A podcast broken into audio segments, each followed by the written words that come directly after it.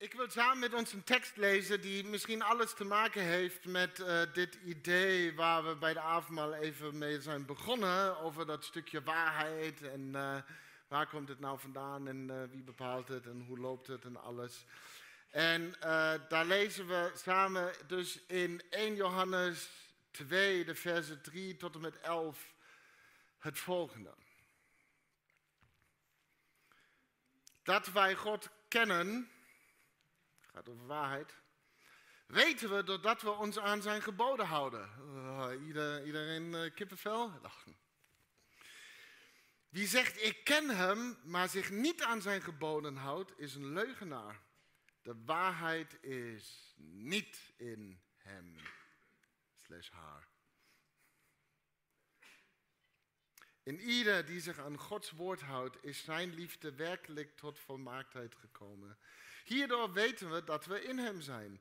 Wie zegt in Hem te blijven, behoort in de voetsporen van Jezus te treden. Geliefde broeders en zusters, ik hou u in deze brief geen nieuw gebod voor, maar een oud, dat u vanaf het begin bekend is. Dat oude gebod is de boodschap die u gehoord hebt. Toch is het ook een nieuw gebod, omdat de duisternis wijkt en het ware licht al schijnt. En lieve mensen, dit is al een preek in zichzelf. Get it! Het ware licht schijnt al. Klaar. Wij gedragen ons vaak alsof, oh, de heerser van deze wereld en weet ik veel allemaal wat. No! Het licht schijnt al. Ik zal niet al amen kunnen zeggen en weglopen. Nee. Het zou heel jammer zijn, zo'n goed verhaal. Het licht schijnt al.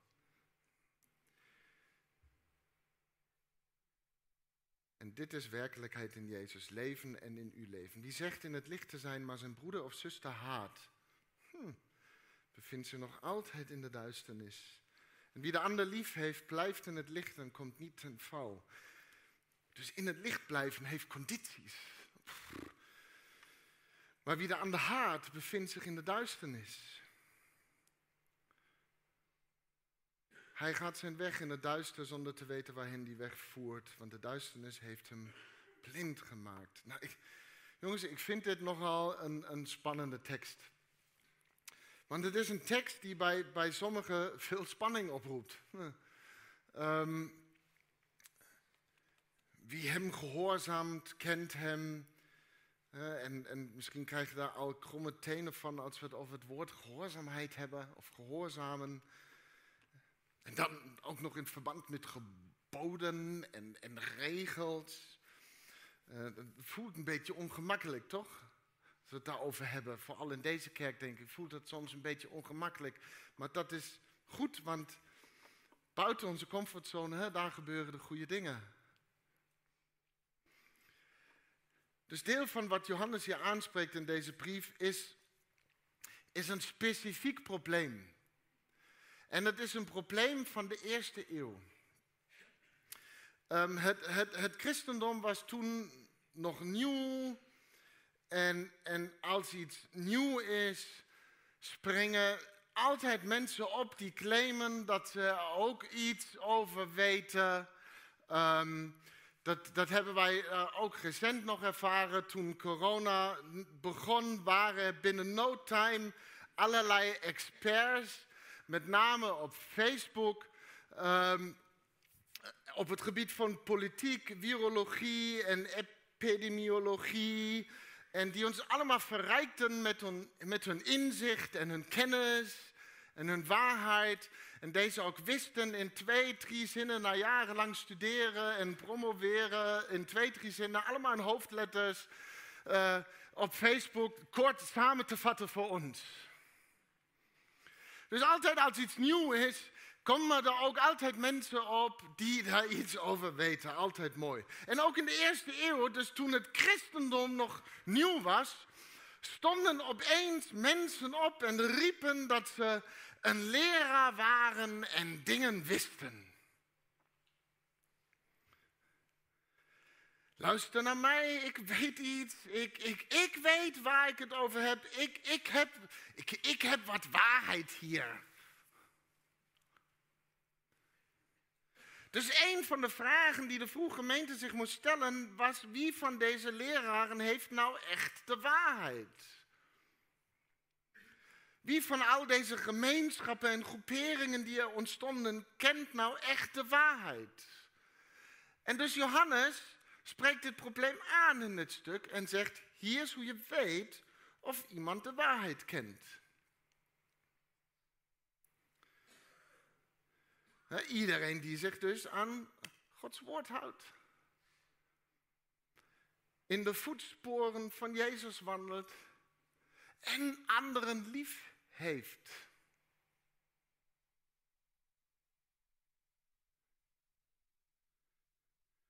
En het werkt ook andersom. Zo verdwijnt het geloof altijd. Dat, dat anderen lief hebben, dat is vaak dan, wordt dan op een gegeven moment toch een beetje voorwaardelijk en heel selectief wie we dan lief hebben. Uh, vervolgens verdwijnt ook echt dat volgen van Jezus. En dan gaat ook God en zijn woord helemaal naar de knoppen. En vervolgens het geloof. Dat, dat zien we in deze tijd ook vaak dus gebeuren. Dus in de eerste eeuw van de kerk was er een beweging en eigenlijk een secte. Die nogal voor problemen zorgde. En dat was dus het gnosticisme. Vandaag leer je iets. Ja, echt waar. Uh, het gnosticisme, de benaming komt uh, van het Griekse woord gnosis, wat kennis uh, betekent. En gnosticisme werkte een beetje als volgt. En ik zeg een beetje, want als je het echt de ins en outs wil weten, moet je het maar zelf researchen thuis. Maar het werkte een beetje als volgt. Er kwam iemand aangehubbeld en zei, ik heb kennis. Ik weet iets. En die persoon probeerde vervolgens mensen naar zich toe te trekken en aan zich te binden. Dus gnostici zagen deze kennis vaak als iets geheims. Het was geheime kennis. Geheime kennis die ze dan door zouden kunnen geven aan iemand anders. En, en het was exclusieve kennis.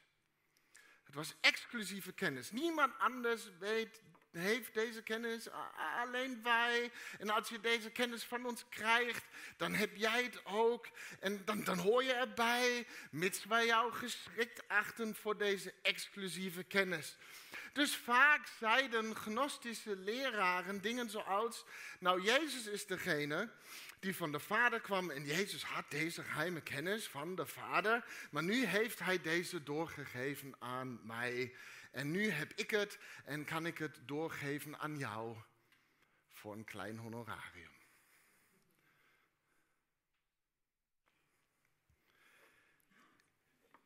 Ik weet wat, wat jij niet weet. En zoiets trok aan.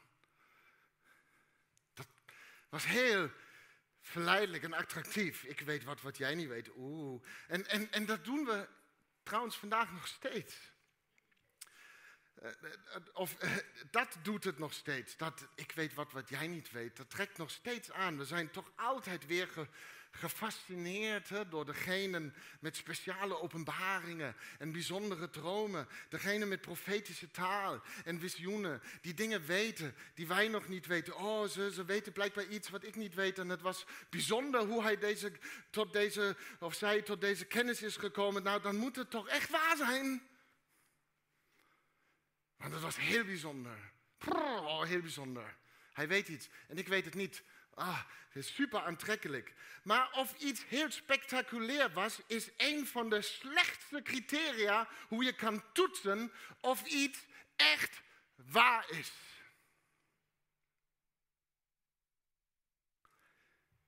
En aan alle kanten doet de Bijbel dit dan ook gewoon niet. Het is, is gewoon even kerst en, en advent. De Messias kwam niet als superheld. Maar als baby. Vette teleurstelling. Als je op het spectaculaire wacht als de toets voor of het waar is. En, en, en de Messias komt niet terug straks met luid bazuinsgeschouw, zoals we in een van de opwekkingslieden altijd heel enthousiast en spectaculair zingen, maar als een dief in de nacht. God werd mens, niet, niet andersom. Het, het woord werd mens en, was er zomaar klein, gewoon en, en bijna onopvallend. Vervolgens ging het mens geworden woord opgroeien als waarheid.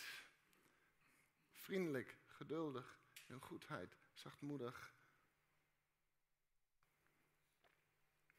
Dus hier is een goed criteria om waarheid te toetsen. Elke waarheid die zich moet bewijzen door zich heel erg op te blazen, is waarschijnlijk voor al gebakken lucht.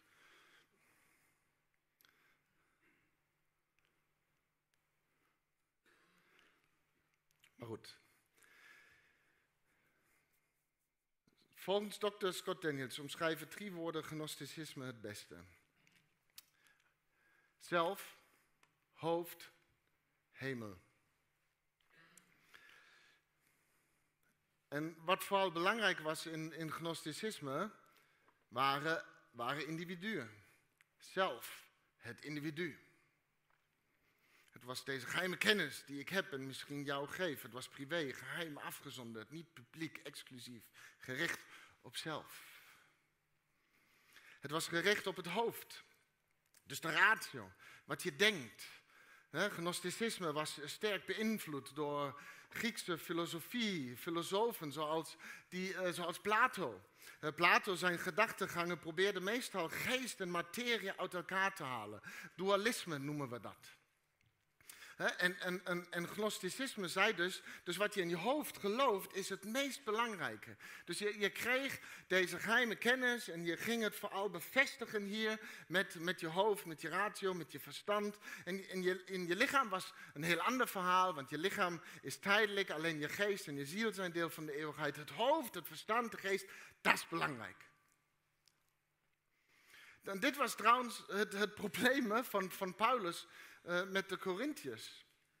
Veel van die brieven zijn gewoon, jongens, vingerstikjesbriefjes. Hè? Ik weet niet of je dat wist, maar ze spreken echt uh, inderdaad een paar dingen aan. De Corinthiërs begonnen te geloven dat bijvoorbeeld wat ze hier met hun hoofd bevestigen vooral belangrijk was. En, en ze verder konden doen wat ze wilden met, met hun lichamen.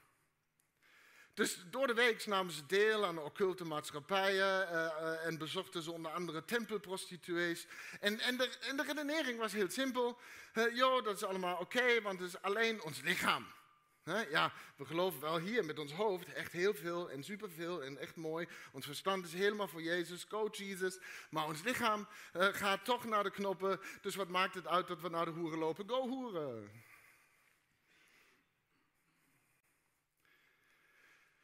En het derde woord om, om, om gnosticisme te omschrijven is dus hemel. Of anders gezegd, het ging hen vooral over hoe we hier zo snel mogelijk wegkomen.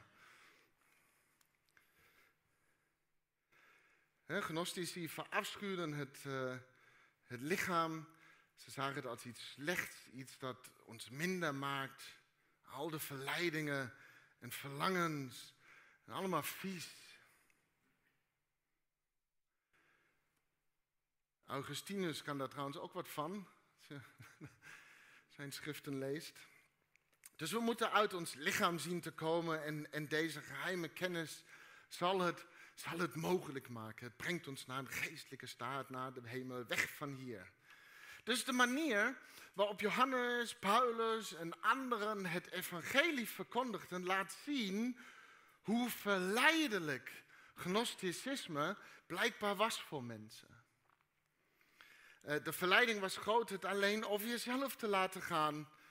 Uh, de, de, verleiding was, uh, het was verleidelijk om het alleen te laten gaan over wat we hier met ons hoofd bevestigen en het geloven.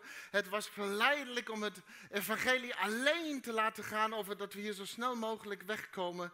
Dus Johannes en Paulus en anderen zeiden, wacht even jongens, dit klopt niet. En hier is waarom het belangrijk is dus om dit te weten. Als je denkt van waarom vertelt hij ons dit allemaal? Het is belangrijk om dit te weten, omdat veel van het geloof waar wij in zijn opgegroeid en de manier waarop velen in deze tijd geloven, zorgwekkend gnostisch is.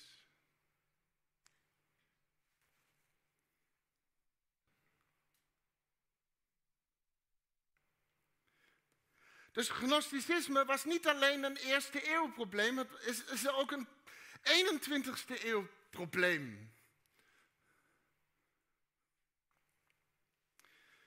Velen kennen een geloof dat zegt dat, dat, dat het alleen om jou gaat.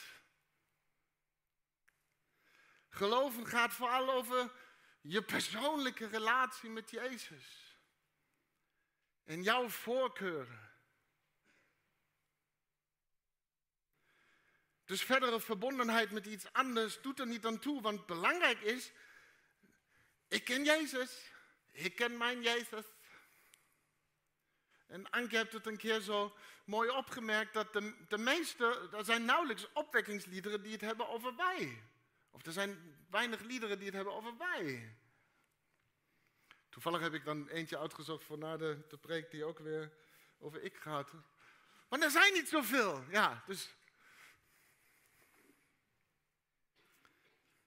En, en niet alleen dat, maar geloof gaat vooral dus ook over, het is een 21ste eeuw probleem, het gaat vooral ook over wat in je hoofd gebeurt. Velen denken dat christen zijn betekent een lijstje met dingen met ons hoofd te bevestigen. En geloof je dat? Tuurlijk. En dit ook, check. En dat dan? Ja, dat ook. Opgelost.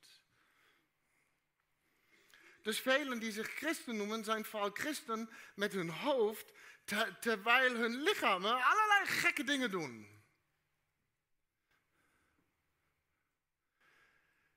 En zeg, ja, nee, wij niet. Nee, nee, nee, nee. Maar hier is, hier is ook een goede toets. Als je lichaam een tweedehands auto zou zijn, zou je het dan kopen? Mm. De vorige eigenaar ging er niet zo handig mee om. Nooit onderhouden die tent.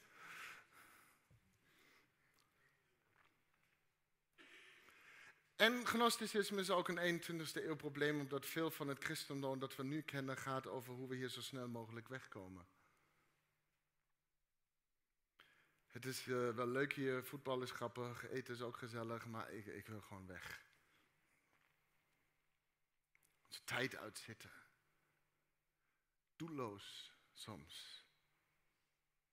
Behalve dan, ja, weg hier, dat is het enige nog. Dus gnosticisme, zelf, hoofd en hemel. Maar weet je, als we naar het hele verhaal kijken. Het hele verhaal, van begin tot eind het verhaal met God. Dan, dan zien we daar echt drie andere woorden die zich veel prominenter door het hele verhaal weven.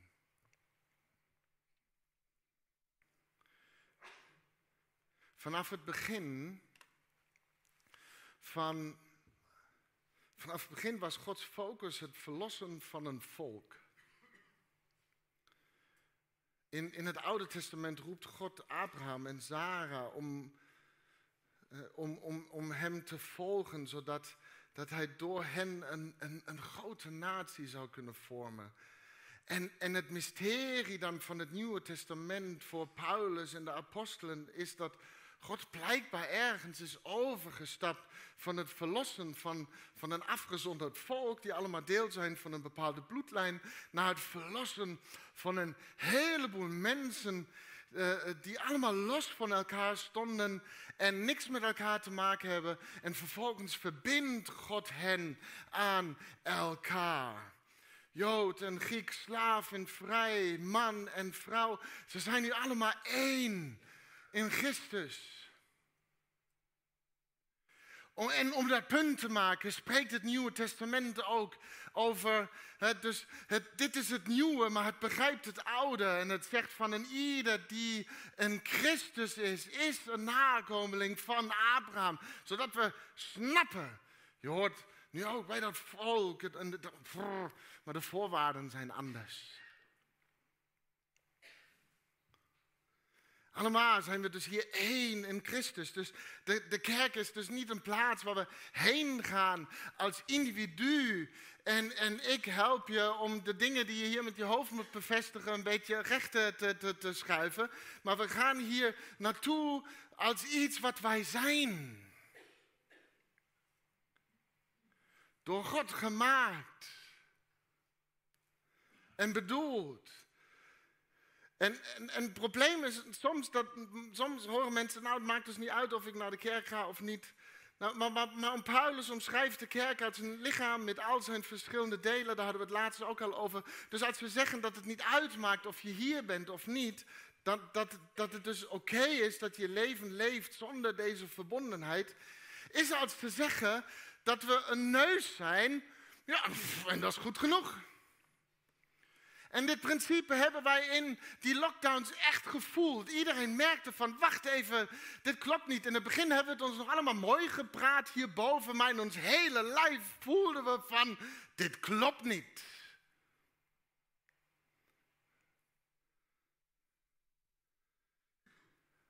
Dus sommigen denken, oh ja, ik ben een neus en een neus hartstikke leuk en dat is prima. Tot de neus verkouden is en er geen hand in de beurt is om de neus te snuiten.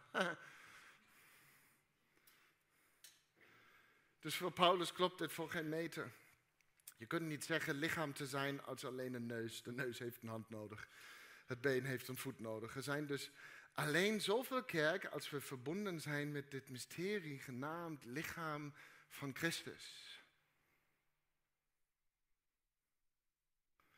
Je kunt niet leven als een individualistische christen. Ik hoop dat we het allemaal hebben gemerkt in de afgelopen jaren, dat zoiets eigenlijk gewoon niet bestaat.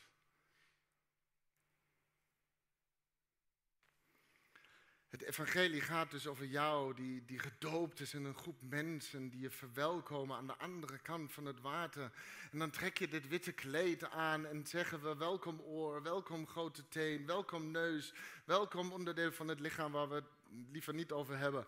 Uh, dus Johannes nodigt dus een gemeenschap uit om het evangelie te belichamen. In plaats van zelf zou je dus, en jullie weten het, community. van moeten maken. Of een heilige natie. Of een, het lichaam van Christus. Of het, een koninklijk priesterschap. Of familie, het koninkrijk van God. Of hoe je het ook allemaal wil noemen. Dat zijn allemaal namen uit het grote verhaal. Die allemaal hetzelfde zeggen. Namelijk dit. Niet zelf, maar community. Nu wordt het ingewikkeld. Niet hoofd, maar oorlelletje. Nee. nee. De realiteit is vaak dat datgene wat ik geloof met mijn verstand, met mijn hoofd, nauwelijks wordt vertaald in en met mijn lichaam.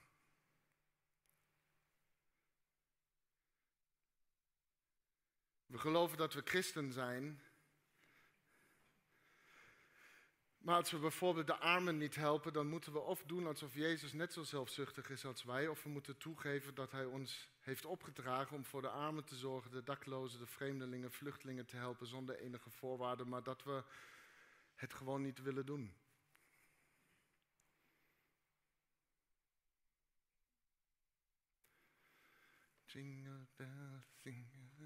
Even een beetje vreugde erin. Wat we geloven met ons hoofd wordt vaak niet vertaald in met ons lichaam. Vaak is het juist andersom. Wat ik met mijn lichaam doe, wordt uiteindelijk overtuiging in mijn hoofd.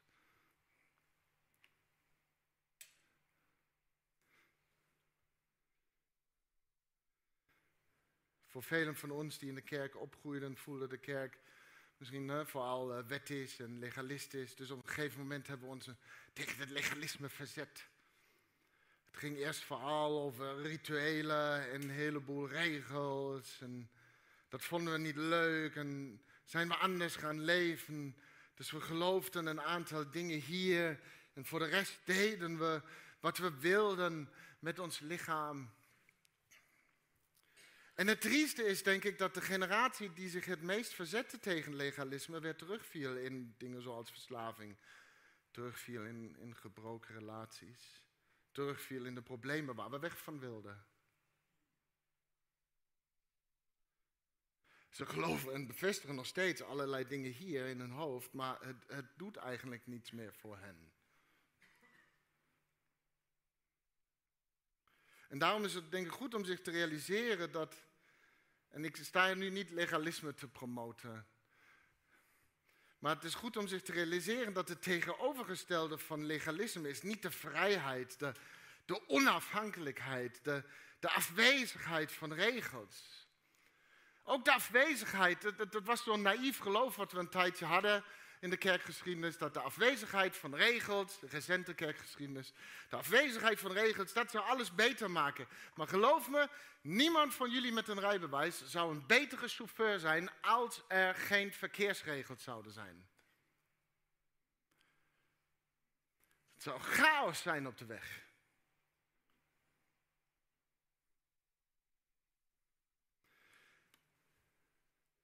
Maar het tegenovergestelde dus van legalisme is, en ik zeg het met alle liefde, gehoorzaamheid uit liefde.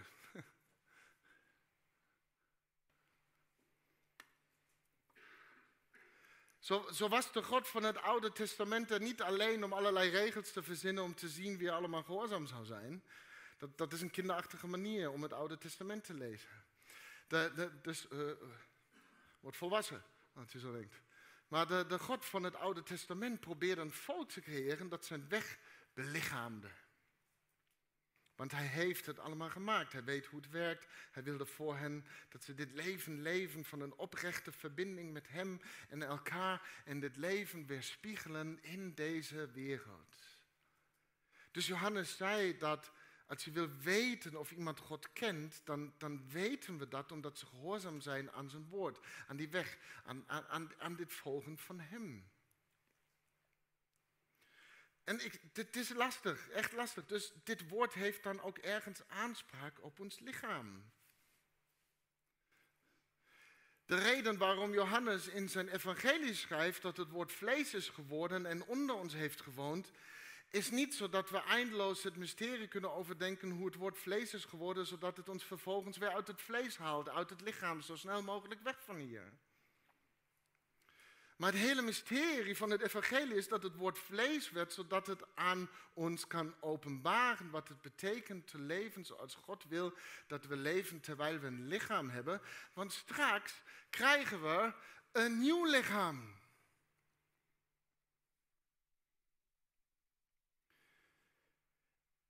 En ik meen, maar dat vind ik nergens terug, maar ik denk dat dat lichaam geen onverwoestbaar knopje heeft.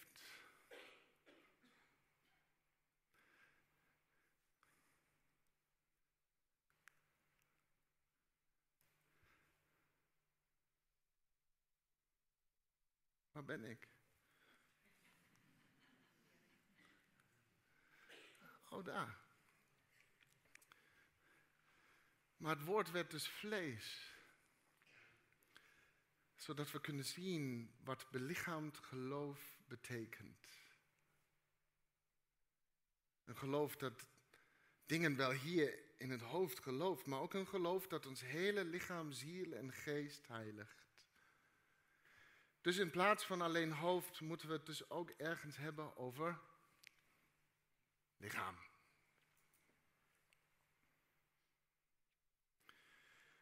Dus het grotere verhaal laat ons zien dat we zelf moeten vervangen met community. We moeten hoofd met lichaam vervangen. En, en dan over de hemel. Niet hemel, maar, dat is een hele rare zin in een kerk. Uh, niet hemel, maar. Ik, ik, geloof met heel mijn hart in, in deze bijzondere hoop dat we, dat als we sterven, dat we met de Heer zullen zijn.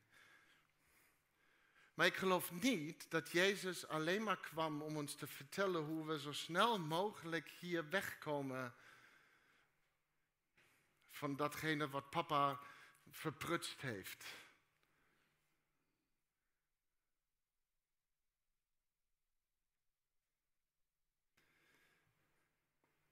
Ik geloof dat hij kwam om te verkondigen dat deze, dat deze wereld al het koninkrijk van God is in ons en, en zal worden in al zijn glorie, waar, waar hij voor eeuwig zal regeren.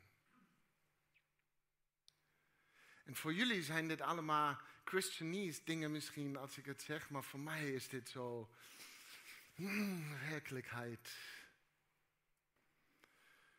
Kerstochtend, oh, daar heb ik nu al zin in, want die preek die leeft al een paar maanden in mij. Ik weet wat, wat jullie nog niet weten. Maar Johannes schrijft dus in zijn visioen in, in Openbaring 21. Ik zag de heilige stad, het nieuwe Jeruzalem. Ik heb hier zoveel over gehad. Uit de hemel neerdalen, bij God vandaan. Het gaat dus niet zozeer om dat we ergens heen gaan, maar dat de hemel steeds meer in ons komt.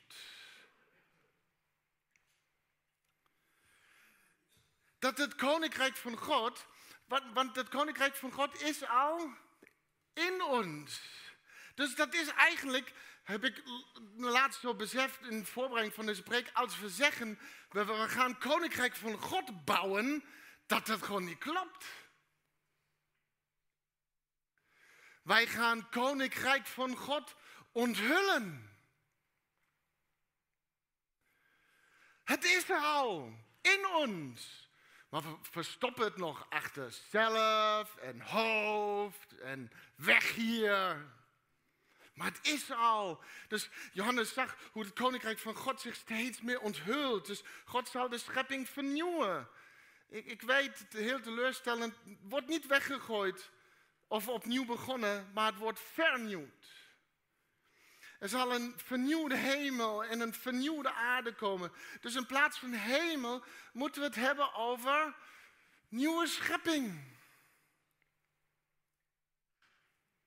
Nieuwe schepping. En als je wilt weten of je deel bent van deze nieuwe schepping, zegt Johannes het volgende hierover. Nou, het is een oud gebod, maar het is ook nieuw. En het is alleen nieuw omdat het weer het oude begrijpt. En het nieuwe is dit. Hier komt het. Heb je lief. Heb je lief. Helemaal niet zo nieuw, hè? Want we snappen het allemaal hier. Heb je lief. Johannes zegt, als iemand zegt dat ze God kennen, maar ze gehoorzamen niet en ze houden niet van hun broeder of zuster, ren dan weg, want ze kennen hem niet echt. Maar als anderen komen en zeggen, wij kennen God, en, en hun zijn samen onderweg als community, die God echt kennen, ze, ze gehoorzamen God met alles wie ze zijn. Ze houden van elkaar met alles wie ze zijn. En sommigen krijgen het zelfs voor elkaar om van hun vijanden te houden. Als je zo een community tegenkomt, kun je ervan uitgaan dat ze God, de waarheid, kennen. Alles andere is kerkspelen. Ik geloof echt dat er een verschil is tussen kerkmensen en christen. Kerkmensen die, die kennen de riddeltjes, die kennen de, de maniertjes, die doen de maniertjes, die, die spreken de riddeltjes, die willen de riddeltjes horen. Dus kom niet aan mijn riddeltjes, kom niet aan mijn maniertjes, want dan ben ik niet meer zo eens kerkmens. Maar christenen zijn getransformeerd door de liefde van Christus tot iemand die door deze wereld gaat met liefde en vreugde en vrede en geduld en vriendelijkheid en goedheid en geloof en zachtmoedigheid en zelfbeheersing en al die andere rotzooi met hem aan het kruis heeft geslagen.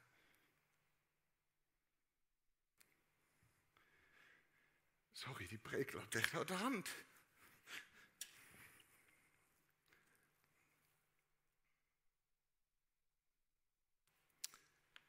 Wij kennen dus God als we. Sorry, ik ben even overrompeld voor eigen boodschap. Wij kennen dus God. Als we deel, als we proactief, ik zie niks meer. Als we, als we proactief deel worden van mensen die die nieuwe schepping willen zijn en worden.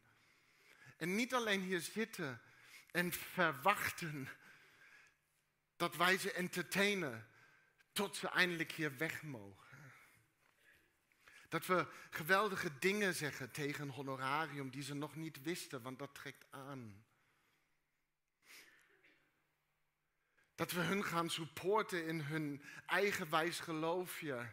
Ik en mijn Jezus.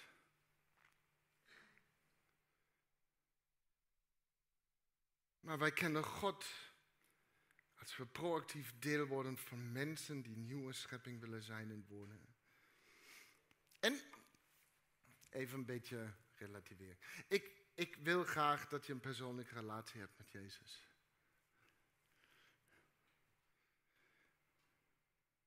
Maar ik wil ook dat ik wil ook heel graag dat jullie verbonden zijn met het grotere verhaal, een volk, allemaal één in Christus, de kerk, het lichaam van Christus, koninkrijk van God.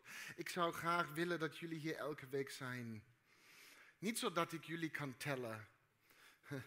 We, tellen jullie, maar dat doen we omdat iedereen telt.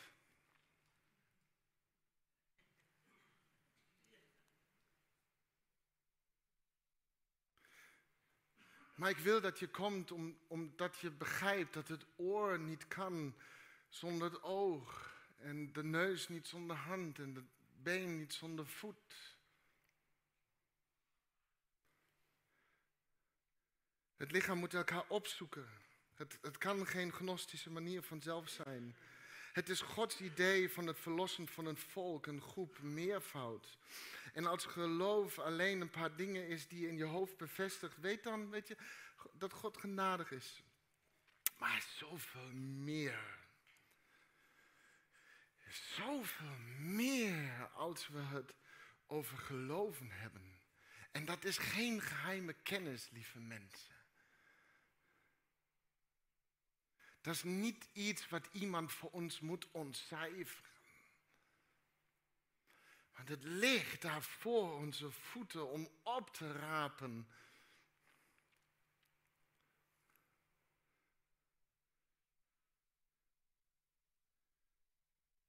Als je God wil kennen, probeer hem dus dan ook te gehoorzamen met de rest.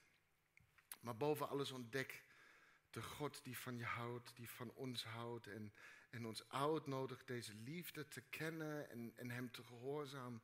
Niet omdat we bang zijn voor hem, maar we gehoorzamen hem omdat we van hem houden en, en, en, van elkaar. En, en als we dit voor elkaar krijgen,